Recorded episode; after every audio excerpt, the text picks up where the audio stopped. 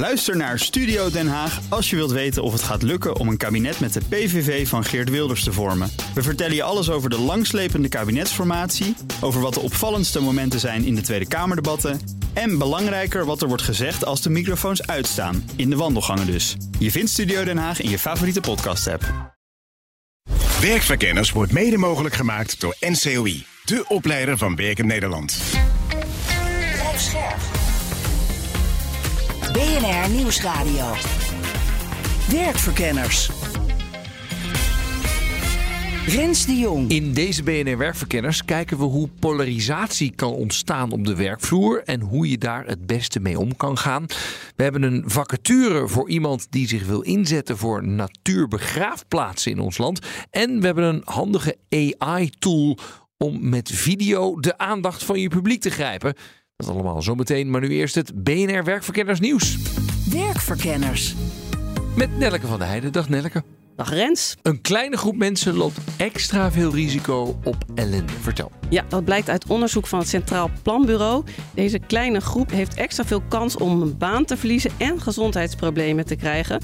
Nou, het fijne van het onderzoek is dat als je deze groep nou sneller kan identificeren, dat je dan ook preventief kunt optreden, zeggen de onderzoekers. Ja, maar, maar hoe weet je nou wie er bij deze risicogroep hoort? Ja, dat is dan wel handig om te weten. Nou, het CPB heeft machine learning losgelaten op heel veel data. En op zich het goede nieuws daarvan is dat blijkt dat de meerderheid juist weinig risico loopt om, de, om je baan te verliezen of in een uitkering terecht te komen.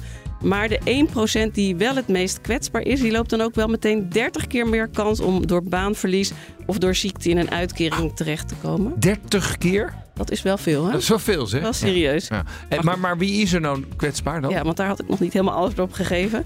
Nou, onder andere mensen met een flexibel contract, mensen die weinig verdienen en weinig spaargeld hebben en mensen met een migratieachtergrond.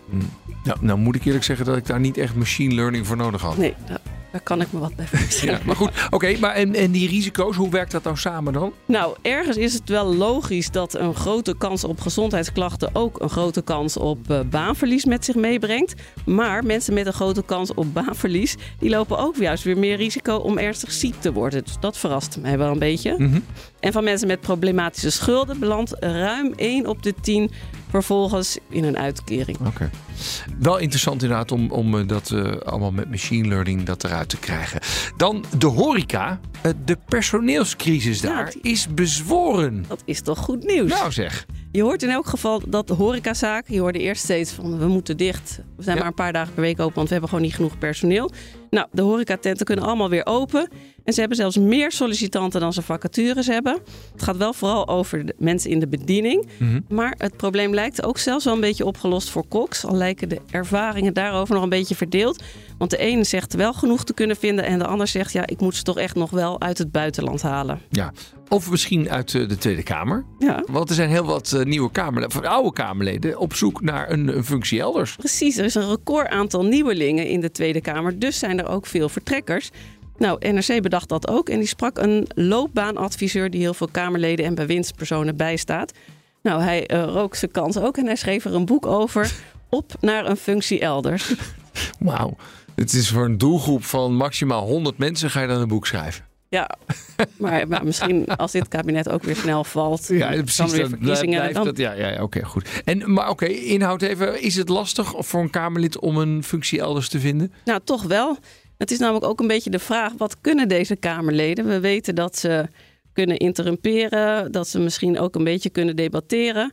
Maar dat is ook alles wat je als buitenwereld van ze ziet. Dus eh, als je dan eenmaal als politicus komt solliciteren, krijg je ook de vraag: ja, wat kan jij eigenlijk? Ja, precies, ja. En eh, ja, dan hebben ze eigenlijk niet zo vaak een goed verhaal, zegt eh, Rutger Koopmans, want zo heet hij. ja. En eh, dat is omdat ze zelf ook eigenlijk niet zo goed weten wat ze willen en kunnen. Oh. Maar, en wat zijn de tips? Nou, zorgen dat je wel goed weet wat je wil. En ook bedenken wat je nou eigenlijk in die Tweede Kamer voor elkaar hebt gekregen. En dat is soms meer dan ze denken. En dan weet je dus ook waar je goed in bent. En dan is het ook nog wel even belangrijk om te kijken of je echt meteen aan de slag wil. Of dat je even tijd nodig hebt. Ja. Maar daarvoor is het dan ook wel weer relevant of je al wist dat je niet meer door zou gaan met je Kamerwerk. Dat je dacht, ik sta op een verkiesbare plek. Dus ik zit goed. En dat bleek dan vervolgens toch niet zo te zijn. Dan heb je misschien wel wat meer tijd nodig om even te herbezinnen. Dan, er is een Europees akkoord voor platformwerkers. Ja, na maandenlange en moeizame onderhandelingen zijn de EU-lidstaten en het Europees Parlement er vorige week ergens op een heel nachtelijk tijdstip met elkaar uitgekomen. En de conclusie is: in de meeste gevallen zijn platformwerkers in Europa werknemers. Oh ja. Nou, we hebben het er vaak over gehad. Ja, maar zeker. hoe zit het nou precies? Laten we daar Hanneke Bennaars, arbeidsrechtadvocaat, maar eens even over bellen. Ja, dat lijkt me een hele goede vriend van de show, zou ik zo zeggen. Eh, Hanneke, ben je daar? Zeker, Rens. Hi Nelke, ik ben er. In Nederland lijken we er nog lang niet uit te zijn, maar in Europa wel. Vertel. Ja, dat klopt. Eh, zoals Nelke zei, niet alleen na maanden onderhandelen, maar ook nadat het eerste voorstel er al een paar jaar ligt, vanaf 2021, eh, hebben het parlement en de raad een akkoord bereikt.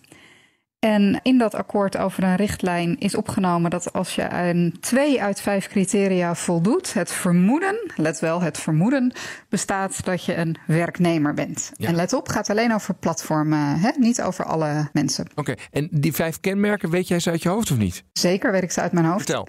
De eerste is dat het platform bepaalt wat de bovengrens van de beloning voor de werkzaamheden is. De tweede gaat over de vraag of het platform toezicht houdt op de uitvoering van het werk, al dan niet via de app. Dus fysiek of via de app hou je toezicht op de uitvoering van het werk. De derde, dat gaat over de vraag of het platform zeggenschap, in de Engelse tekst control, over de verdeling van het werk heeft. De vierde ziet op het punt dat het platform zeggenschap heeft over de arbeidsomstandigheden en dat er een beperking is voor de werker om zijn uren in te delen. En de vijfde tenslotte eh, ziet op de beperking in hoe het werk georganiseerd moet worden en beperkingen als het gaat om hoe je je kleedt en hoe je je gedraagt. Dus als je een uniform aan moet, nou, dan heb je het vijfde criterium al een beetje te pakken. Oké, en als je er dus twee aanvinkt, dan is het vermoeden er al dat Ja. je een medewerker bent van dit platform. Exact. Ja. En is dit dan alleen voor de eh, medewerkers belangrijk of ook voor de werkgevers en of de Belastingdienst? Ja, zeker. Kijk, de vraag is natuurlijk wie kan een beroep doen hierop? Nou, dat zijn de werkenden zelf, maar ook de werknemersvertegenwoordigers. Wij denken dan altijd meteen aan de bonden, maar ook de autoriteiten. En dan kun je denken aan inderdaad de Belastingdienst. En dat is belangrijk omdat we eigenlijk zien dat het platformwerkers zelf vaak niet zo'n probleem hebben met hun status. Werknemer of zelfstandige, maar dat het meer de institutionele eh, partijen zoals bonden of de Belastingdienst zijn die dat ingewikkeld vinden. Ja. Dan is natuurlijk altijd de vraag: zijn er nog eh, achterdeurtjes? Kunnen platformbedrijven hier onderuit komen? Zeker, en het is niet eens een achterdeur. Het is gewoon open en bloot. Het is een rechtsvermoeden. Dus als je twee vinkjes kan zetten, Ja. dan kan het platform daaronder uit door aan te tonen dat er toch sprake is van zelfstandigheid. En hoe moeten ze dat Dus het is aantonen? alleen, dan? nou, door bijvoorbeeld aan te tonen dat er wel degelijk sprake is van daadwerkelijk ondernemerschap, ook al heeft iemand een uniform aan. Ja, ja. Of dat er toch andere feiten en omstandigheden zijn waaruit blijkt dat iemand wel degelijk zelfstandige is. Dit is Europees dan, hè? dat moet dan allemaal in alle lidstaten geïmplementeerd worden.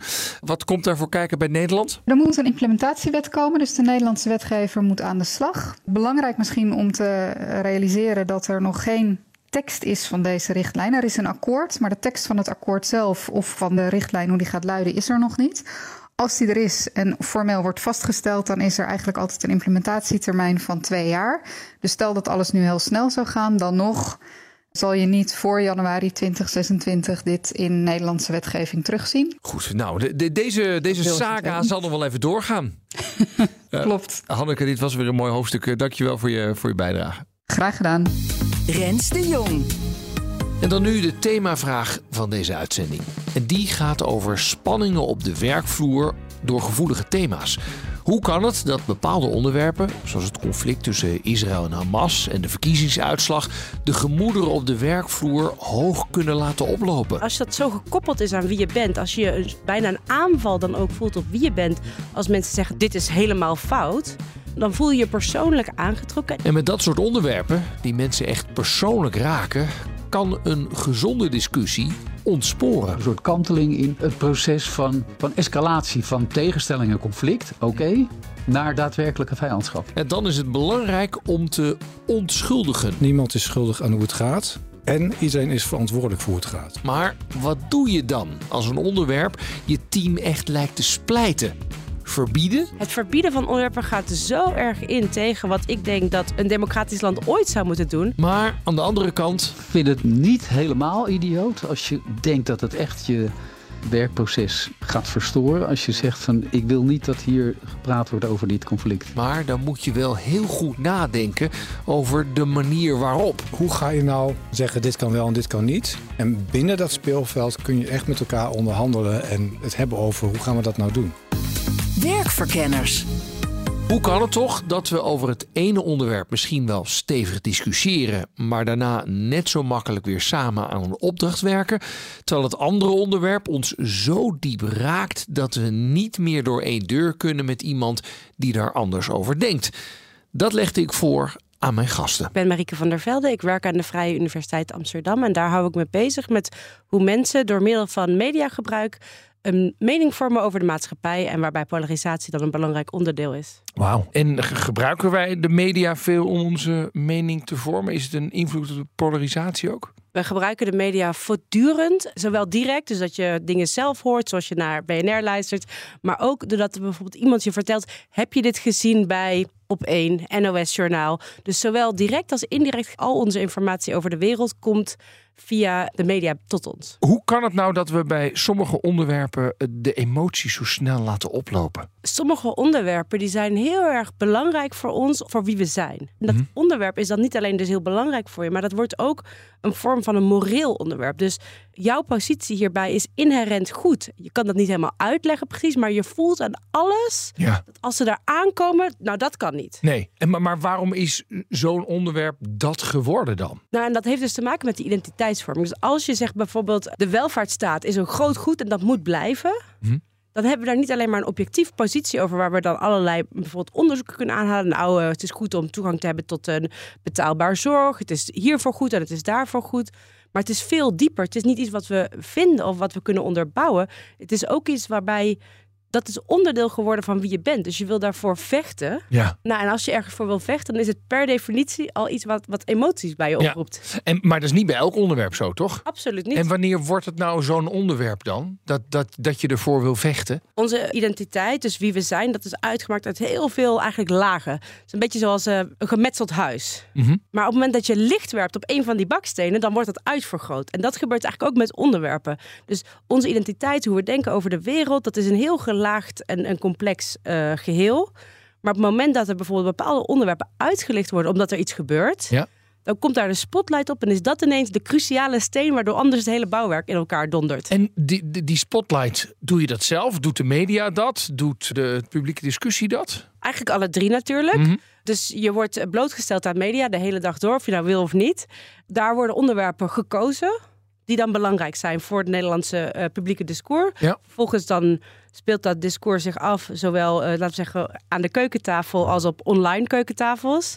En daar doe je dan ook nog misschien actief aan mee. Dus op Ja. al die momenten maak je eigenlijk keuzes, soms bewust, soms wat minder bewust, om dat te volgen. En informatie, dat stuurt heel erg hoe je over de maatschappij denkt. Dus een voorbeeld daarvan is tijdens de provinciale statenverkiezingen was eigenlijk het allerbelangrijkste onderwerp was stikstof. Mhm. En daar waren mensen voor of tegen en dat bepaalde ook in heel sterke mate hun stem. Ja. Maar een paar maanden later was er ineens een ander onderwerp dat veel belangrijker was geworden, namelijk migratie of immigratie.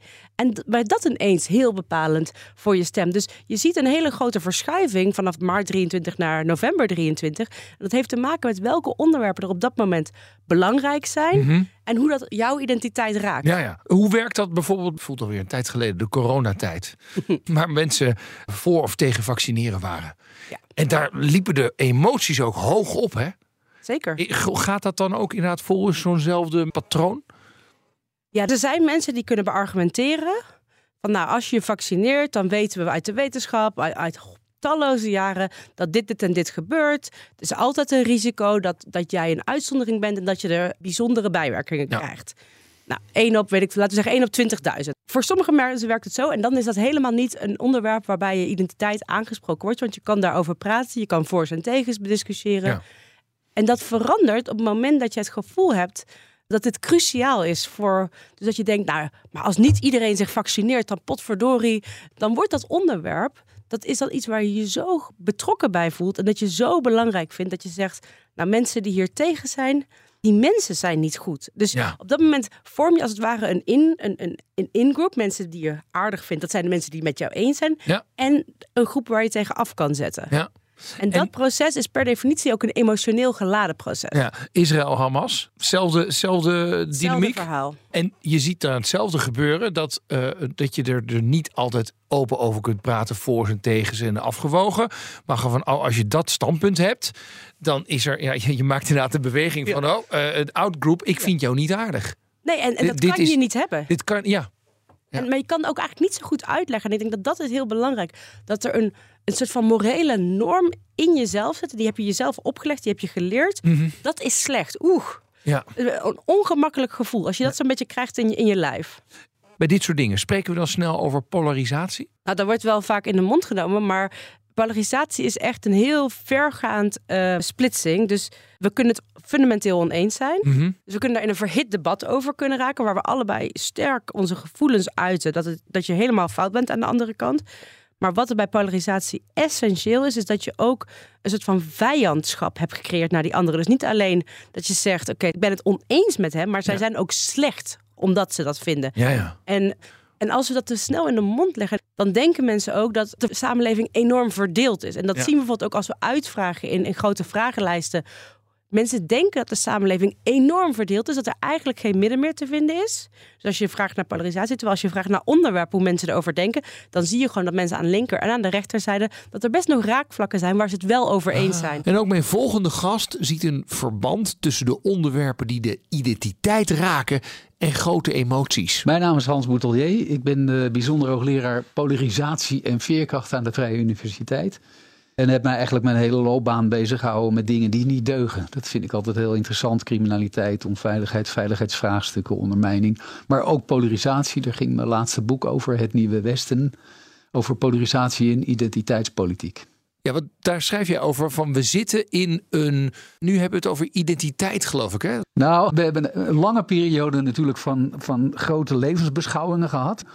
Maar wat is er nou daarna eigenlijk ontstaan? En geleidelijk aan is die samenleving gegroeid van wat je zou kunnen noemen een levensbeschouwelijke of ideologische samenleving, gegroeid naar een identitaire samenleving. Dus we zijn heel erg gericht eigenlijk op onze eigen positie, eigen emotie eerst zou je kunnen zeggen. Dus in plaats van het collectief dat jou als individu definieert, hebben we nu een beetje de omgekeerde situatie. Vanuit mijn eigen kenmerken, vanuit mijn eigen heilige overtuigingen, zoek ik mijn gemeenschap. Ja. En ik heb daar verder geen oordeel over. Ik wil dat alleen constateren. En geeft wel echt een heel andere context voor, eh, voor het onderwerp waar we het nu over hebben. Want waar zie je dat dan dat het identitair wordt? Nou ja, je, heel veel protestbewegingen bijvoorbeeld, die, zijn, die kun je echt identitair noemen. Ik, ik noem maar wat, Black Lives Matter. Of de MeToo-beweging is uh, vrouw gerelateerd. Of uh, zelfs het boerenprotest. Heel opvallend is dat daar heel erg gebruik wordt gemaakt eigenlijk van de boerenidentiteit. Het gaat daar natuurlijk wel degelijk ook om bestaanszekerheid. Maar het gaat vaak in termen van identiteit. Je ziet het ook wel bij op momenten het opkomende nationalisme. Hè? Het, het denken in termen van Nederlanderschap. Dus echt, echt identiteitsachtig denken. En dat is toch iets anders dan een grote levensbeschouwing met een totaalpakket van mensbeeld en maatschappijvisie. En jong en oud zijn daar vaak in verbonden. Massa en elite zijn verbonden. Dat is echt een andere situatie. In dat licht hè, van die nieuwe identiteit eh, en dat die zo belangrijk is geworden. Wat is dan polarisatie? Polarisatie groeit eigenlijk geleidelijk, zou je kunnen zeggen. En het gaat natuurlijk, uiteindelijk gaat het om die wij-zij-gevoelens, die daar een grote rol in spelen. Maar dat is zo erg allemaal nog niet. En conflicten zijn ook niet zo erg. Hè? Vitale democratie moet het ook een beetje hebben van conflicten en gedoe en tegenstellingen. Maar polarisatie wordt echt een probleem. Tegenstellingen worden een probleem als er een vorm van vijandschap in gaat ontstaan. Mm -hmm. Dus een, een, vijand, een heel belangrijk begrip eigenlijk. Een vijand wil je niet zien. Die wil je het liefst verbannen, minder, minder, minder. Uh, elimineren, ontmenselijken. We zien dagelijks verschrikkelijke beelden op de televisie. Waarin je dus ziet wat het doet met mensen als ze in het teken gaan handelen van vijandschap. Dan wordt het gevaarlijk. En is dat dan polarisatie? Is het dus dat we, we kunnen het wel met elkaar oneens zijn, maar dan is het nog steeds dat we in één ruimte zitten. En als we echt vijandelijk worden, dat het affectief gewoon niet meer lukt om elkaar te zien, dat, dat het, dan polarisatie wordt? Ja, dan, dan heb ik de neiging om te zeggen, dan heb je echt te maken in ieder geval met problematische polarisatie. Ja. Het is natuurlijk wel zo, kijk, ieder mens heeft wel eens vijandige gevoelens. Hè? Dat is klaarblijkelijk mensen niet vreemd. Hè, dat je denkt van, oh, die persoon wil ik echt nooit meer zien. Maar dat is dan wel een tweede belangrijke factor in het geheel. Op het moment dat het echt gemobiliseerd wordt, hè, dus tot, tot actie overgaan of tot een beweging of een groep uitgroeien, dan wordt het toch wel wat problematischer. Dus vandaar dat je zou kunnen zeggen, het gaat om de mate van, even ingewikkelde woorden, gemobiliseerde vijandigheid. Ja. Als we het dan hebben over de werkvloer. Hè? Wat je zegt dus eigenlijk, die polarisatie heeft er ook echt mee te maken met vijandsdenken. Nou, de- als er één ding is wat je niet wil op de werkvloer, is het vijandsdenken. Kunnen we er iets over zeggen? Is er iets over bekend? Ik vind dat best wel lastig, want er zijn eigenlijk. We hebben eigenlijk niet goed zicht op in welke mate dit nou speelt. In werksituaties en in schoolsituaties. Het is vooral anekdotisch. Hmm. Dus we moeten ook een beetje uitkijken dat we het niet te groot maken. Maar desalniettemin ligt het wel voor de hand dat dit soort conflicten, geopolitieke conflicten, dat die doorwerken tot in microsituaties, in werksituaties of eh, op school. Dus dat, ik denk dat we daar op zich wel van uit kunnen gaan. Ja, het is vooral anekdotisch, hè? Maar ik kan me wel voorstellen dat het ontstaat. Ik heb het op verschillende nieuwsredacties meegemaakt. Als we het hebben over eh, het conflict tussen Hamas en Israël. Eh, weet je, daar, daar Ja. eh, opeens Ja. merk je: oh, wacht even, ik moet op mijn tenen lopen. We kunnen hier niet Ja. zomaar gewoon. Het is toch zo. Weet je wel, het, het is. Oh ja, we raken mensen echt nu eh, dichterbij dan, dan normaal. En dat zal misschien elders ook wel zo zijn, toch? Ja, zeker. En, en je zou kunnen zeggen, je, je hebt een soort, eh, wat, je, wat, wat je zou kunnen noemen, een soort domein van, de, van zelfsprekendheid. De dingen die je als het ware vanzelfsprekend met elkaar deelt. Mhm.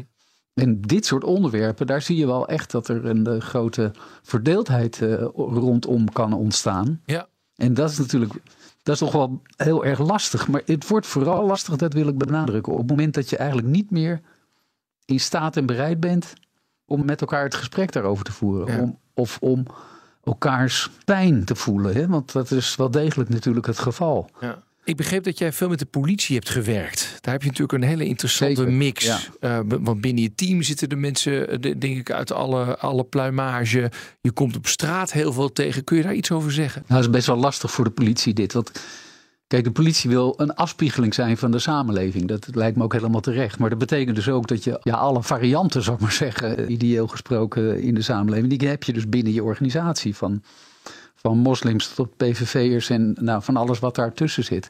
En dat is natuurlijk best wel lastig om daarmee om te gaan. En vooral ook omdat ze natuurlijk de politie wordt geacht op te treden in allerlei eh, situaties. Waarbij de individuele politieagent kan zeggen: ja, maar hmm, ik ben het bijvoorbeeld wel eens met Extinction Rebellion. Ik noem er nu maar even een voorbeeld. Hè. Eh, dus dat vind ik lastig om daar als ME'er eh, te moeten optreden Ja. tegen mensen waar ik het eigenlijk mee eens ben. Dat is echt, een, echt wel een probleem eh, bij de politie, waarbij je wel kan zeggen, en zo wordt er ook over gepraat. Uiteindelijk gaat het natuurlijk wel om de professionaliteit van politiemensen. Eigenlijk, als je het heel hard zegt, doet hun individuele mening doet er op zo'n moment eigenlijk niet zoveel toe. Nee. Hun professionaliteit bestaat eruit dat zij in principe de orde hebben te handhaven. En dat is verankerd in de democratische rechtsstaat. Ja. Dus van daaruit moet je redeneren. En heb je met zo'n onderwerp te maken dat de werkvloer splijt, dan heeft dat grote invloed op het functioneren van je team.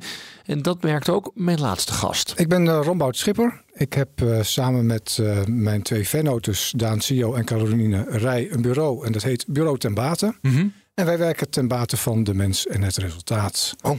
En dat doen wij op het gebied van leiderschapscoaching, teamcoaching, persoonlijke coaching en advisering. Ja, de teamcoaching is interessant. Want daar Ja, zitten natuurlijk de conflicten op de, Ja. om de hoek hè, Ja, tegenwoordig. ja, Ja, klopt, klopt. Wat doe je dan met teamcoaching? Hoe gaat zoiets dan?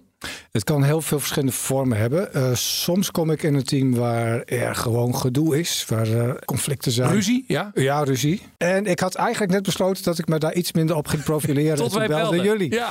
Maar ik heb daar wel een soort voorliefde voor. Ja, waarom? Omdat ik denk dat onder druk komen dingen echt naar boven. En luistert het best nauw. Vind ik het ook vakmanschap, vakwerk, hoe je dat een beetje weer goed krijgt. Ja, wat is, wat is eigenlijk de methode om het goed te krijgen in een paar zinnen? Ja, een paar zinnen. Wij, ons gedachtegoed is systeemdenken. Wij kijken naar wat gebeurt er in het geheel. En wij gaan niet per se in op die ene druiloor of die ene die het dan niet goed gedaan heeft. Want wij zeggen dan altijd, hoe krijgen jullie het voor elkaar dat hij of zij dat steeds kan blijven doen? Ja. Dus wij zijn van het onschuldigen. En je gaat dan niet helemaal op dat ene conflict in of op die persoon in, maar kijk Nee. meer naar hoe kan het nou in deze groep Ja. ontstaan. Ja, klopt. Sommige mensen nemen bijvoorbeeld veel ruimte in. En anderen die vinden dat niet zo heel erg fijn. Maar die zeggen er niet zoveel van.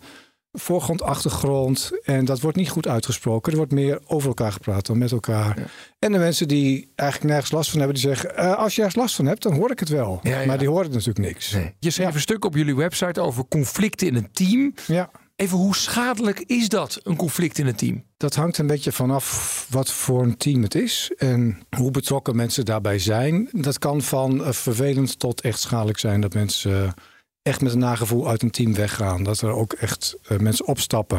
Dus Ja. dat, dat kan echt van alles. En het kan ook zijn dat je je doel dus niet haalt, dat je je diensten niet levert. Ja, ja. Ja. maar goed, het, het kan dus van irritatie tot echt het uit elkaar vallen van Ja, team betekenen. ja, zeker. Zie je dit veel dat het best wel eh, grote impact heeft? Ja, maar ik heb natuurlijk een vertekende blik, want Ja. ik, ik kom Ze daar. bellen waar jou als het echt Dus probleem is. Ja. Ik denk eigenlijk dat het in heel veel gevallen best goed gaat. Hoe kunnen conflicten ontstaan? Ja, je niet goed uitspreken. En dat is ook wel de blik die ik heb als systeemdenker: dat het speelveld ehm, en de kaders niet goed bewaakt zijn. Mhm. En daar heeft leiderschap ook een rol in, zelfs bij zelforganisatie. Wat bedoel je met de, de, de kaders zijn niet goed bewaakt? Dat je met elkaar afspraken hebt over wat kan echt niet. Wat kan gewoon echt niet. Nee. En als iemand daar overheen gaat, dat je daar echt dat dat niet vrijblijvend is. Maar is dat dan een lijstje van tien punten van dit kan echt niet? het kan per team verschillen. Ja, ja. Maar, Maar- wat begeef voorbeelden? Wat, wat voor afspraken? Nou, dat je je collega openlijk afvalt. Ten, als je samen met een klant aan het eh, werk bent en dat je dan openlijk zegt: Nou, nee hoor, dat kan ik beter. Dat, dat soort dingen. Oh ja. Dat, dit is een voorbeeld uit een team wat ik heb begeleid.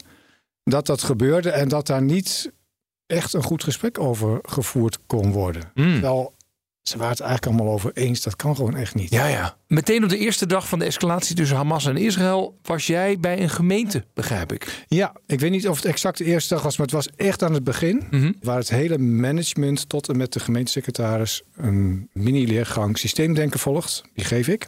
Waarbij we kijken naar patronen in de organisatie.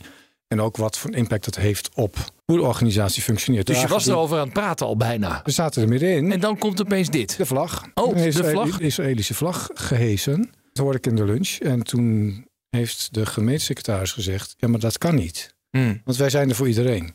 En het mooie is, ik ging na de lunch het begrip meervoudig partijdig introduceren. Maar dat had hij dus eigenlijk al gedaan. Dus dit gaat echt over conflict. Als je wil dat conflicten beheerst worden... of dat mensen elkaar willen eh, horen... moet je meervoudig partijdig zijn. Ja. En dat is verduveld lastig. Maar heel even voor mij, hè. Neem me nog even mee. Dus je bent daar. Ja. Eh, er was een golf van ontzetting over eh, die verschrikkelijke aanval van Hamas. Ja. En er waren Ja. mensen die zeiden: we moeten nu de Israëlische vlag hijsen. Ja, iemand op het gemeentehuis, ik weet niet wie, heeft dat gedaan. Mhm. En dat veroorzaakte meteen gedoe. Wat gebeurde er? Nou, er werd meteen over gepraat. Van ja, kan dat wel? En er moet dan of ook een Palestijnse vlag naast, of eh, die vlag moet naar beneden. Ja. Dus dat ontstond daar meteen. En is dat dan ook meteen ruzie? Of is het van kan dit wel? Of, eh, eh, Nou, dit, dit was nog nee, nee, het was nog geen ruzie, maar Nee. dit was wel een, een hele spannende. ja. En het ging door in de lunch toen we in de kantine zaten en er eigenlijk na aanleiding van die vlag een soort gesprek ontstond. Dat er ook mensen zeiden: ja, maar het is ook echt heel erg wat er allemaal in Gaza al gebeurd is. Dus we snappen wel dat Hamas dat heeft. We praten het niet goed. Ja. Waarop iemand anders in de kantine zei: ja, ik wil hier niet over meepraten, want ik denk er anders over. En die bleef vervolgens stil, want daar werden geen vragen meer aan gesteld. Hmm. En dat is natuurlijk eh, ja, fnuikend voor als je wil dat dit goed beheerst gaat worden. ja. Maar Ja. goed, dat is ook moeilijk omdat je bang bent dat als je erover in gesprek gaat, dat je ruzie krijgt. Ja, dat is het. Conflicten ontstaan ook omdat je je niet uitspreekt en eh, bang bent dat je ruzie krijgt. Ja. Want eh, dan wordt het nog waar ook. Dan krijg je dus wel ruzie. Straks kijken we naar hoe je het beste kunt omgaan met tegenstellingen op de werkvloer. Maar nu eerst naar natuurbegraafplaatsen, want daar is werk voor een ecoloog. De vacature.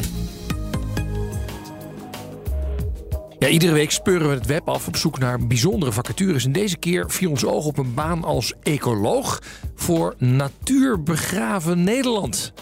Ja, in het bos begraven worden, daar heb je dus ook een ecoloog voor nodig, denk ik dan. Ik ga erover praten met uh, Roy van Boekel en hij is de directeur. Met Roy van Boekel. Dag Roy, met Rens de Jong van BNR. Goedemiddag. Zeg, natuur begraven, is dat altijd in een bos of niet? Dat hoeft niet in het bos, het is altijd in de natuur. Het zijn natuurgebieden waar mensen hun laatste rustplaats kunnen vinden. Ah, ja, ik zeg altijd tegen de kinderen, ik wil dat ook. En dan een boom op mijn buik. Maar ik vraag me dus af of ik dat ook daadwerkelijk krijg op mijn graf dan een, een, een boom. Of is het een beetje daarnaast? Het is zo dat uh, wanneer mensen in een bos begraven worden, we dat buiten de, de boomkronen doen om de wortels te beschermen. Maar het kan zeker zo zijn dat wanneer iemand bij ons begraven is, er een boom op zijn buik groeit. Ja. En het is ook mogelijk, als het in ons natuurplan past, om een gedenkboom te planten na een begrafenis. Ja, dat lijkt me dus prachtig. Nou goed, uh, dat is even mijn persoonlijk ding. Je hebt een ecoloog nodig. Klopt. Wij zijn op zoek naar een ecoloog, iemand die met ons Nederland mooier en groener wil maken. Want uh, met het creëren van nieuwe natuurbegraafplaatsen creëren we ook veel natuur en willen we natuur verbeteren. Mm -hmm. En daarvoor hebben we goede mensen nodig die met ons samen uh, dat willen bereiken. Ah, want eigenlijk is het dus een soort. Ja, dit bedoel ik helemaal niet oneerbiedig. Maar het is natuurlijk wel een mooi businessmodel om nieuw meer natuur te creëren. Want mensen moeten betalen om natuurlijk daar te gaan liggen, toch? Dat is ook absoluut uh, de reden waarom Natuurbegraven Nederland is ontstaan. Wij willen een bijdrage leveren aan natuur in Nederland. En hele mooie plekken bieden voor mensen om te gedenken en te herinneren. En uh, een van onze bedrijfsdoelen is inderdaad natuurkwaliteit en natuuruitbreiding in Nederland. Ja, ja. En, en, wat moet je dan doen als ecoloog? Nou, het is zo dat op het moment dat wij een, een natuurgebied, wat onze natuurbegraafplaatsen zijn, natuurgebieden beheren, dan maak je draag je bij aan de beheerplannen. Mhm. Mm -hmm. uh, en bijvoorbeeld wanneer je een uh, nieuwe natuurbegraafplaats wilt ontwikkelen, kan het zijn dat wij bijvoorbeeld landbouwgronden omvormen, weer teruggeven aan de natuur. En dan maak je letterlijk het natuurplan voor die plek. Hoe zou de natuur hier van nature aanwezig zijn geweest? En hoe zorgen we dat we die uitgangssituatie weer creëren? Ja, ja. Hey, en dan ben je ecoloog. Wat voor een ervaring moet je dan hebben, zeg maar?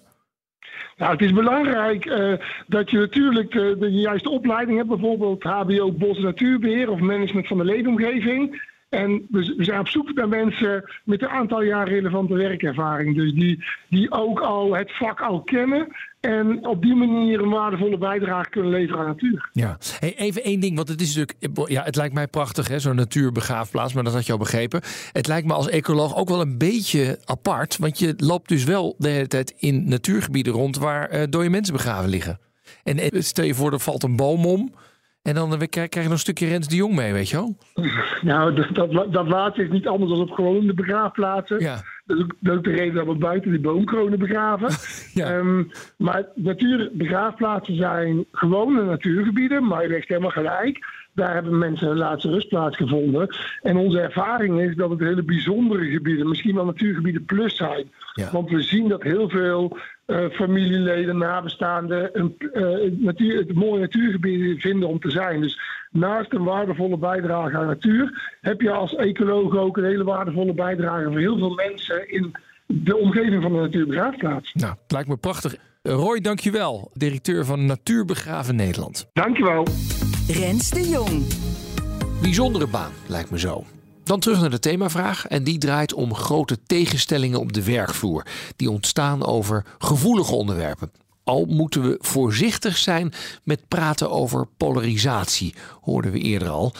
Maar dat er op dit moment onderwerpen spelen die voor spanningen zorgen, merken we denk ik vrijwel allemaal. En de vraag is dan, hoe gaan we daarmee om?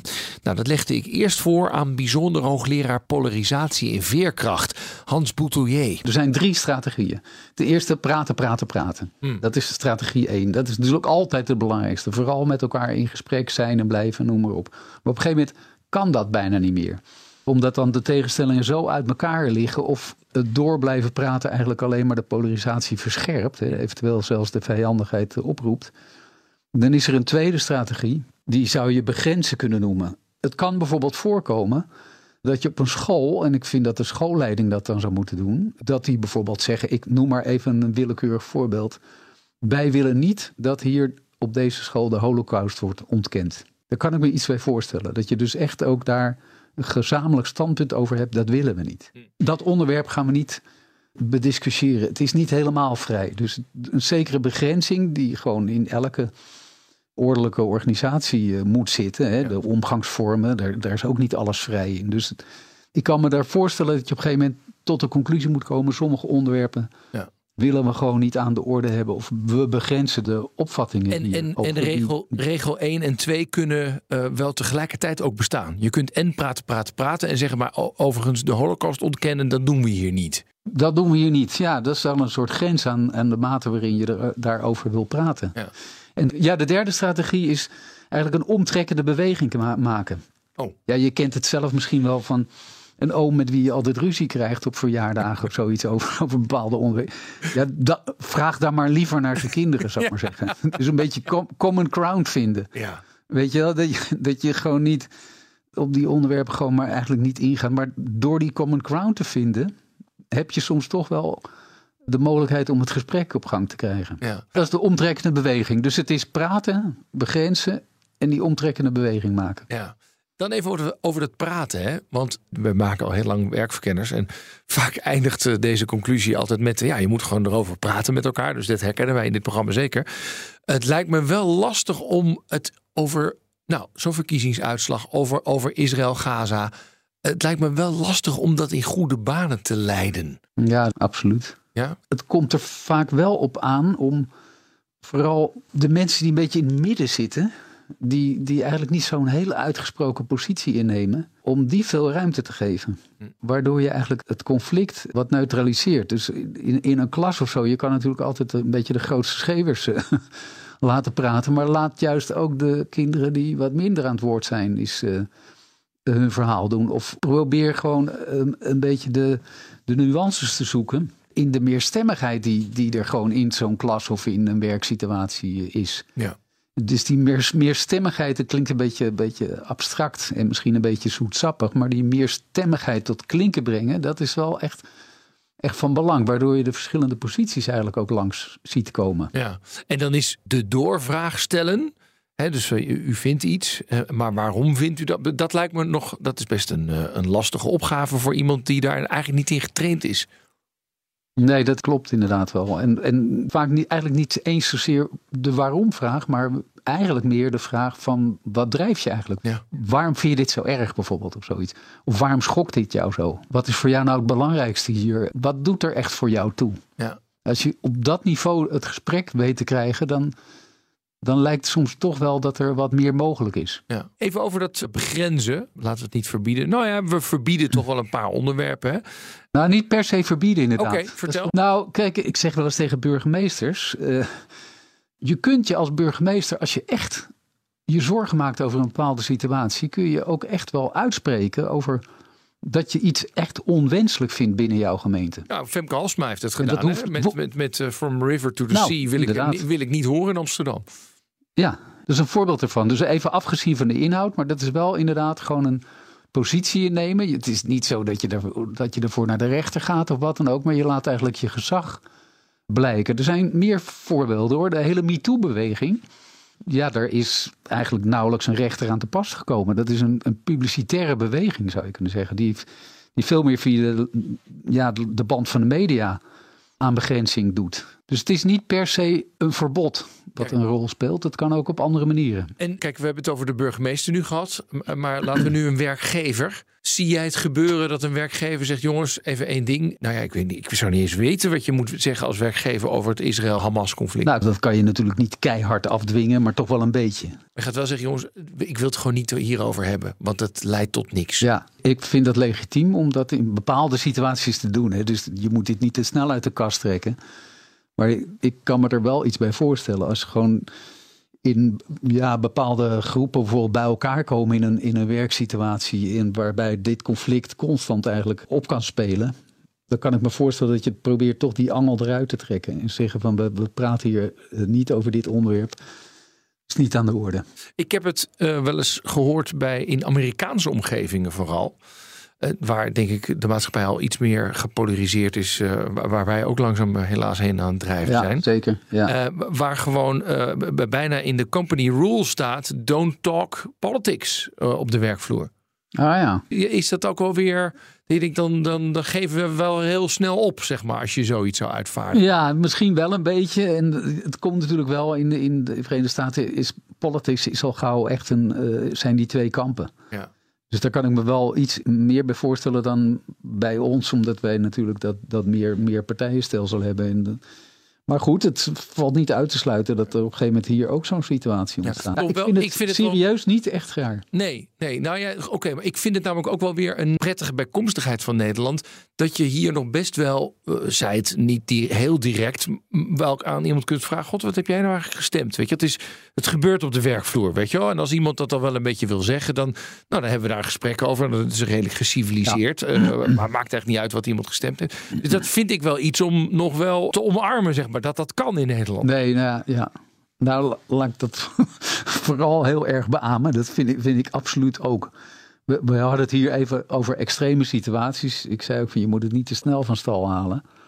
Maar extreme situaties waarbij het echt werkprocessen gaat verstoren, daar kan ik me wel iets bij voorstellen. Dat je als werkgever daar toch wel een beetje sturend in bent. In, in wat je besproken wil zien op een werkvloer. Leiderschaps- en teamcoach Rombout Schipper had het eerder al eventjes over meervoudig partijdig zijn. Als je meervoudig partijdig bent, dan zeg je: Ik snap, ik snap Israël.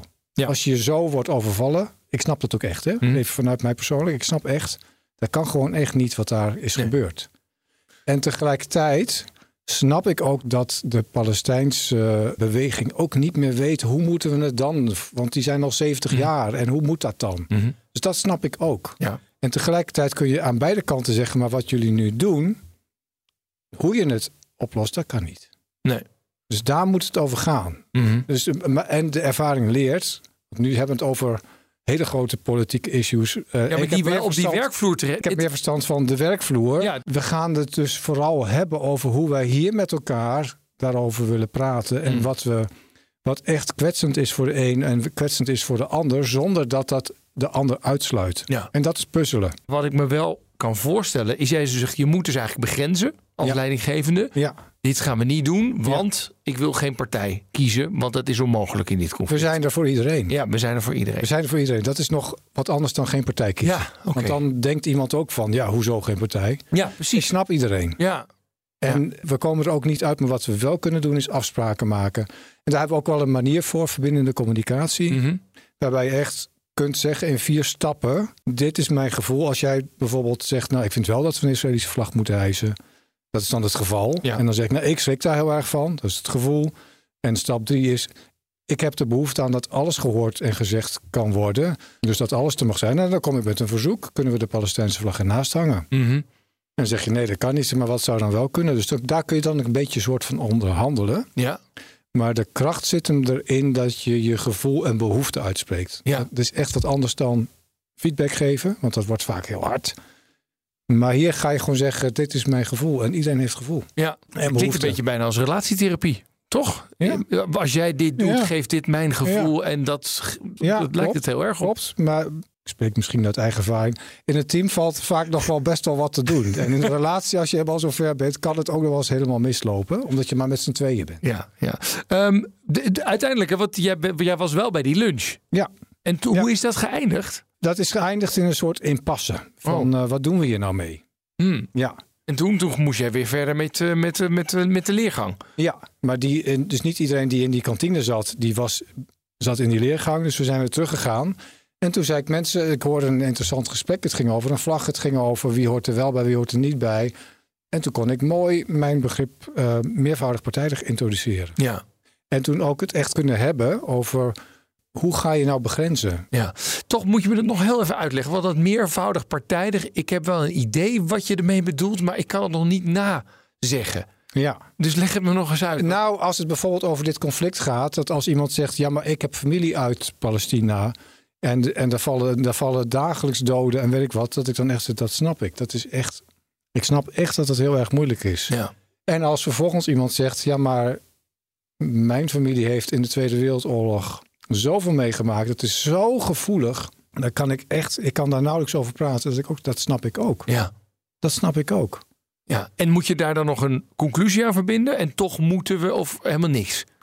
Nou, jawel, jawel. Want anders dan, dan snap je iedereen. En dan, Ja, precies. en- Ja, en wat, doe je nou? Ja, precies. Ja. Nee, en dan de conclusie is, hoe gaan we dan hier samen verder? Hmm. En wat hebben we daarvoor nodig? En daar moet je echt spelregels voor afspreken. En eh, leg dat eens uit, die, die spelregels dan? Nou, wat, wat, zijn, wat zijn woorden die we, niet kunnen, die we beter niet kunnen gebruiken? Of wat, zijn, wat doen we als iemand zich uitspreekt en een ander heeft daar last van? Wat doen we dan? Ja, oh ja. Gewoon een afspraakje maken. Ja, En vaak kunnen mensen het beter bedenken dan ik. Want ik ben, ik ben vaak een passant, zij weten hoe dat gaat. En deze gemeente heeft daar een andere manier voor dan een productiebedrijf. Die gewoon zeggen, hé, hey, nou even kappen. En Ja. dan is dat het codewoord. En dat je dan even zegt van, dit ging bij mij er niet lekker in. Oké, sorry. wat goed zeg. Dus, dus dan is het echt een aanleiding om te zeggen eh, van oké jongens, hoe gaan we hiermee om in de toekomst? En wanneer is het even genoeg?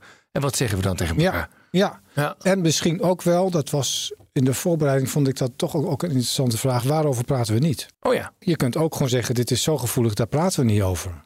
Maar dat is wat anders dan zeggen, je mag hier niet over, je mag hier niet over praten. Dan, je, kunt, je kunt als leidinggevende misschien wel denken, dit is zo gevoelig, ik wil niet dat er over gepraat wordt. Mhm. Maar dan leg je het als gebod neer. En die gevoelens en emoties zijn er toch, dus het, dat gaat altijd mis. Maar gaan mensen doe je- er toch over praten. maar wat doe je dan? Dan zeg je, hoe gaan we dit nou oplossen? Want al die gevoelens en emoties, die zijn er. Ja. Die zijn er gewoon. Mhm. Maar ja, misschien zijn er wel bepaalde stukken, bepaalde woorden, bepaalde gebeurtenissen waar we beter niet over kunnen praten. Welke zijn dat dan? Bespreek het met de mensen zelf. Ja. Dan hebben ze commitment. Ja, hoef jij niet een regel op te leggen, we gaan hier niet over dat praten. Nee. Maar je gaat wel uit hunzelf trekken van joh, Ja. wat ligt zo gevoelig, kunnen we het beter niet over hebben. Ja, En, en in, Ja. ook in die formulering kunnen we het maar beter niet over ja hebben. precies. Het is wel eigenlijk steeds hetzelfde van zorgen dat mensen zich gehoord voelen en begrenzen. Mhm. Die combinatie. Ja, ja. Dat je, niet- want je mag, als ik even zwart-wit, je mag tegenwoordig bijna alles zomaar zeggen. ja. En dat kan niet. Hm. In een team werken is niet vrijblijvend. Nee. Ik heb het aan het begin van de COVID-periode meegemaakt dat ik in een team kwam waar de directeur zei van ja, één iemand hier is nogal overtuigd van het feit dat het niet bestaat. En die loopt daar ook heel veel over te, nou ja, te Oh ja. zenden. Hoe Ja. doen we dat dan? Ja, en toen? Daar hebben we eigenlijk hetzelfde gedaan. Van ja, maar dit, je kan niet zomaar gaan zenden. Maar ze zei: Ik maak me echt zorgen over de mensen. Jullie zijn allemaal, jullie zijn allemaal in slaap. Nou, allemaal. Mhm, dingen. Ja. En zij was dus het zwarte schaap, want zij was echt heel afwijkend. En toen, hoe los je dat dan op? Nou, wat, ik, wat we toen gedaan hebben is hetzelfde. Dus geluisterd naar wat is, jouw, wat is jouw behoefte. En haar behoefte was, zij wilde haar collega's oprecht behoeden voor iets waarvan zij dacht dat het waar was. En door daar echt goed naar te kunnen luisteren, wat de collega's heel moeilijk vonden, Ja.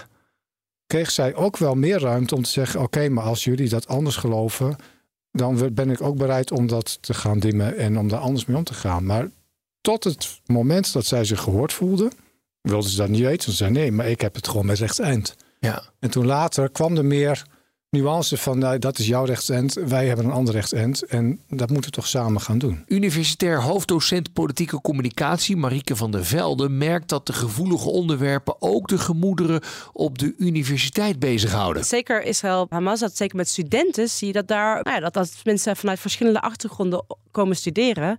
En dat dat ook zeker iets is waar je in het leslokaal mee te maken hebt. Ja. Ja, vertel eens, wat, wat, waar heb je dan mee te maken in het leslokaal? Nou, mensen met Joodse afkomst, mensen die ofwel uit Palestijnse gebieden komen, of uit gebieden zoals Syrië of eh, Libanon. Ja. En die ook in ons lokaal zitten. Ja, en op het moment dat je politieke communicatie studeert, dus hoe vormen mensen meningen en wat is de rol van de media, dan gebruiken zij andere eh, mediakanalen. En hebben ze ook een heel ander beeld van de werkelijkheid. Wat, wat doe jij daarmee? In, ja, het is jouw vak, dus dit, dit vergroot jij uit. Of hoe, hoe- wat doe je ermee als je, als je dit zo hoort? Ja, dus op het moment dat het een sterk emotioneel onderwerp is, dan, is het, dan vergroot ik het misschien meer uit vanuit een afstand. Dus dan zie je dat er verschillende. Dus dan proberen we te zeggen: oké, wat voor informatie gebruik je? Dus je heel erg vanuit een analytische blik kijkt en probeert te begrijpen waarom hebben mensen deze mening gevormd en waarom is die eigenlijk onverenigbaar met iemand anders mening. En dan zie je dus hoe mensen verschillende feiten als uitgangspunt nemen. En dat is iets wat, waar je dan ook kan kijken... oké, als deze uitgangspunten er niet zouden zijn... welke delen van informatie komen we wel overeen? Dus waar kunnen we elkaar wel vinden? Waar zijn we het wel over eens? En in dit geval is dat bijvoorbeeld sympathie voor slachtoffers. Ja, oh ja. En daarmee verleg je eigenlijk van allebei de kanten de bril van... dit is wat er is. Nee, als we dit als uitgangspunt nemen... niemand wil dat er burgerslachtoffers vallen, Ja. dan, dan wordt de discussie heel anders. Of, of de dialoog. Eigenlijk dan vervormt de discussie in, in een dialoog. En ik denk dat dat iets is wat heel belangrijk is. Dat je wel zoekt waar zit dan de verbinding. Ja. Zit hij er altijd wel ergens? Als ik zou zeggen ja, dan, dan is er vast iemand die kan bedenken dat er op een iets niet Sure, is. maar- Maar... over het algemeen kan je eigenlijk altijd wel een gemene deler vinden. En dat kan ook iets verder buiten dit precieze standpunt liggen. Dus het is altijd heel goed om te denken: oké, wat zijn eigenlijk de uitgangspunten die ik neem? Mhm. En waar kan ik nou die ander wel vinden? Dus bijvoorbeeld als je denkt over PVV en, en, eh, en, en de linkerkant ja. GroenLinks PvdA. eh dan zijn er best wat punten, zoals bijvoorbeeld de zorg, waar ze elkaar best kunnen vinden. Dus ja, je kan vinden dat Wilders standpunten heeft die ongrondwettelijk zijn. Dat is ook, dat, dat, dat laten zoveel wetenschappers zien, dat is ook waar. Mhm. Maar ver- vervolgens, een kwart van de mensen heeft wel op hem gestemd. Dus we zullen toch helaas een regering moeten vormen met iemand, ook als je diegene niet eh, als ideale premier had gezien. Ja. Even op de werkvloer, hè? want jij hebt dat ook op de werkvloer, dus die studenten. Heeft het zin om dit soort onderwerpen te verbieden? Eh, nee, absoluut Nee? niet. Vertel. Dus het verbieden van onderwerpen. Nou, dat is een onderwerp waar ik dan bijvoorbeeld voel dat het, het wordt ongemakkelijk Oh, je, voor mij. je bent bijna fysiek ongemakkelijk. Ja, je wordt daar, ik word daar fysiek ongemakkelijk van. Oh ja, ik vind, grappig. ja, dus ik kan me niet voorstellen welk probleem je oplost. Ik kan wel allerlei problemen voorstellen die je veroorzaakt door te Mhm. verbieden. En je zegt ook dat eigenlijk door te verbieden gaan mensen in eigen kanalen praten hierover. Ja. En over het verbieden praten. Dus Ja, ja. je creëert eigenlijk, je creëert misschien dan wel een gezamenlijke vijand, maar die gezamenlijke vijand verbindt niet meer. Nee. Nou, een voorbeeld misschien. Burgemeester Femke Halsma hier van Amsterdam. Die heeft gezegd, from the river to the sea. Ik wil het gewoon hier niet meer horen. Is dat dan onverstandig? Of is dat, is, klinkt dat toch anders dan verbieden wat zij dan zegt? Dus ze zegt niet, je mag niet over Palestina praten. Ze zegt niet, je mag niet over het onderwerp praten. Ze zegt over een statement dat, waarvan we weten dat dat eigenlijk op geen enkele manier meer kan leiden. Doordat we nog een gezamenlijke deler kunnen Mhm, vinden. Laten we die taal niet uitslaan. Ja, ja. Dus En het gaat bepaalde veel- uitingen zijn dat. Het is Het niet een onderwerp de verbieden. Ja, ja, ja. Dus je kan, je kan best zeggen op een, op een werkvloer van eh, er mag niet gescholden worden. Ja. Dat is niet zo gek. Maar dat is niet zeggen je mag niet over dit onderwerp praten. Dus je kan zeggen we moeten een toon aanslaan die beide kanten respecteert. Je zegt, eh, het debat is gezond. Debat is gezond. Maar niet altijd gezond op de werkvloer. Of zelfs ook wel gezond op de werkvloer. Het kan ook gezond zijn op de werkvloer. Alleen op het moment dat het het niet is, kan je ook kijken naar waar de dialoog mogelijk is. Dus debat is gezond en noodzakelijk voor de democratie. Maar betekent niet dat andere vormen van conversatie niet ook even noodzakelijk zijn. En als debat leidt, zeker op een werkvloer waar je eigenlijk juist de gelegenheid krijgt om misschien ook andere perspectieven te zien dan die je thuis of in je vriendenkring ziet. eh, dan is het beter om daar de dialoog op te zoeken in plaats van debat aan te gaan. Ja. De, en de dialoog gaat dan over wat, wat bindt ons. Wat bindt ons? Waar zijn we het wel over eens? Eh, wat zien we ook samen als eh, problemen? Eh, maar weggaan of proberen weg te sturen of op, op sommige momenten, ook niet dat je de hele dag door dialoog moet voeren, Mhm. op sommige momenten wegsturen van die onderwerpen waarbij je, zullen we zeggen, van 0 tot 100 in de verdediging Ja. schiet. Soms denk ik, ja, dit kunnen we natuurlijk helemaal niet op de werkvloer hebben. Dit met een broodje kaas en een, en een glas melk. Want we moeten ook weer aan het werk. Zeker. Dus we kunnen proberen de dialoog op te zoeken. Te kijken waar we het met elkaar over eens zijn. We kunnen een paar dingen zeggen. Jongens, zo wil ik niet dat we ons gaan uitdrukken. Zijn er nog andere dingen waar we ons rekenschap moeten van geven op de werkvloer? Dat broodje kaas me eigenlijk aan het denken. dus misschien dat je gewoon accepteert dat sommige mensen. Hè, dus ook dat je kijkt naar wat er dan wel goed is en dat mensen anders zijn. Ja. Dus stel dat iemand anders iets anders eet, eh, warm eten bijvoorbeeld 's middags. Ja. eh, dat dat ook goed is en dat je het ook niet altijd met elkaar eens hoeft te zijn. Ja. Dat je eh, soort van met elkaar afspreekt dat het oké is als jij iets anders vindt, maar dat we hier gewoon samenwerken. Ook als jij PVV gestemd hebt en ik niet. Eh, ook als jij vindt dat mijn geloof anders zou moeten zijn dan jouw geloof. Goed. Sterke tegenstellingen dus op de werkvloer. Bijvoorbeeld omdat je het niet eens wordt over wie er in zijn recht staat in het conflict tussen Hamas en Israël. Die kunnen zo heftig zijn dat het werk eronder leidt. Nou voel je ook echt vijandschap, dan kan die tegenstelling zorgen voor polarisatie. En op de een of andere manier zijn we bij bepaalde onderwerpen veel emotioneler dan bij andere. Waarom dat is? Nou, vaak hangt dat samen met geraakt worden in wie je bent, in je identiteit. En dan is het oppassen geblazen. Ja, daar moeten we wat mee. De vraag is natuurlijk wat en hoe. Nou, natuurlijk, zoals we vaak in deze uitzending, praten en naar elkaar luisteren. En zoeken waar je het wel over eens bent. Je mag bepaalde gevoelige aspecten ook wel uit de weg gaan. Maar dan ook wel omdat je het zelf ook verstandiger vindt. Want verbieden, ja, dat kan in hele extreme situaties misschien uitkomst bieden. Maar werkt 9 van de 10 keer averechts. AI in actie. Laatste onderdeel van deze uitzending, AI in actie. Ja, ze zeggen dat we er productiever van worden, al dat AI. Maar ja, hoe dan? Nou, in deze rubriek geven we je handige tips en tools die je meteen kunt inzetten om jouw werkdag een stuk productiever te maken. En vandaag krijgen we de tip van Brian Perenboom en hij is Head of Recruitment Benelux voor Wortel. Dag Brian.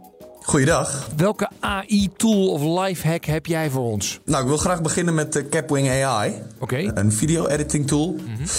Uh, en wat je daarin onder andere kan doen is door AI gestuurd ondertiteling onder je video's neerzetten. En dat waar je dat voorheen handmatig moest doen, uh, kan je dat nu hartstikke mooi eh, door AI laten doen. Oh, dat is heel relaxed. En dat is in het Nederlands en in het Engels, neem ik aan of niet? Ja, dat is in meerdere talen beschikbaar. Oké. Uh, er zitten nog wel een aantal andere fijne features bij. Waaronder ook uh, dat hij automatisch stiltes weghaalt in je video's. Dus ehm, ja, het stelt je in de gelegenheid om urenlange editing om te zetten naar enkele minuten. Ah, wat relaxed zeg. En ik zie, het, het is echt gewoon een soort editing software, maar dan online in de cloud, toch? Ja, ja, dat is helemaal correct. Oh ja, handig zeg. Hey, en ik begrijp dat je dat combineert met iets anders. Ja, ja wij gebruiken daarnaast nog uh, Opus Clip. En Opus is een AI-gestuurde editing tool, ook voor je video's, die uh, op basis van onder andere stemgebruik en lichaamshouding ja, de beste momenten uitzoekt om, uh, om bijvoorbeeld snippets van te maken. En, en waar gebruiken jullie dat ook voor? speakerdetectie in. Uh, nou ja, onder andere onze vakpagina's op onze werken bij site. Uh, waarin wij meerdere mensen ook aan het, aan het woord laten. Uh, maar je wil natuurlijk de leukste stukken wil je, wil je bewaren. dus laten wij AI laten wij, eigenlijk cureren in onze, in onze video's. Dus die laat onder andere de hoek zien, maar dan ook met relevante highlights zodat we op de juiste manier nou, mensen kunnen informeren ook over hoe wij werken en waarom het leuk is om bij Hotel te werken natuurlijk. Hey, en is dat dan makkelijker dan, laten we zeggen, uh, gewoon uh, Final Cut Pro of uh, Adobe of wat dan ook? In mijn optiek wel. ik denk dat dat per gebruiker natuurlijk verschillend is. Um, het gaat mij juist om het feit dat er bepaalde features in zitten die voor mij werken. denk daarbij bijvoorbeeld aan het feit dat die nou, op basis van uh, gestuurde algoritmes die worden gebaseerd op big data over nou, duizenden video's heen uh, die vrij beschikbaar zijn op, op het internet, kijkt hij naar oké, okay, wat zal het meest waarschijnlijk aanslaan bij je publiek. En kijk, eerlijk is eerlijk, mijn vakgebied is recruitment en niet videobewerking. Oh ja. En toch wil ik daar een hoop mee doen. Dus bouw ik op uh, eigenlijk de expertise die vrij toegankelijk is in de, in de markt om, uh, om mij te assisteren bij dit, soort, bij dit soort projecten. Ja, want als je als recruiter tegenwoordig moet je ook alles doen, dus ook de storytelling. Dus daarom ben jij blij dat je dit soort dingen kan gebruiken, begrijp ik. Exact, exact. Goed zeg. Uh, mooie tips. En mensen willen dan nog een keertje weten wat het is. je had het over Capwing en uh, Opus.pro. Uh, dus yes. Cap, Capwing uh, en Opus.pro. Brian, dankjewel. Heel fijn. Oké, okay, hoi hoi.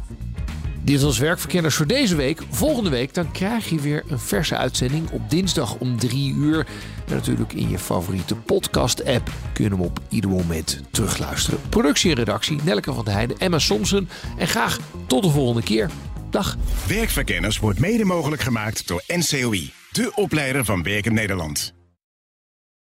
Ook Diana Matroos vind je in de BNR-app. Ja, inderdaad. Je kunt live naar mij luisteren tijdens de Big Five. Ook handig in de BNR-app. Breaking nieuwsmeldingen, maar ook het allerlaatste zakelijke nieuws. En je vindt in de app alle BNR-podcasts, waaronder Wetenschap Vandaag. Download nu de gratis BNR-app en blijf scherp.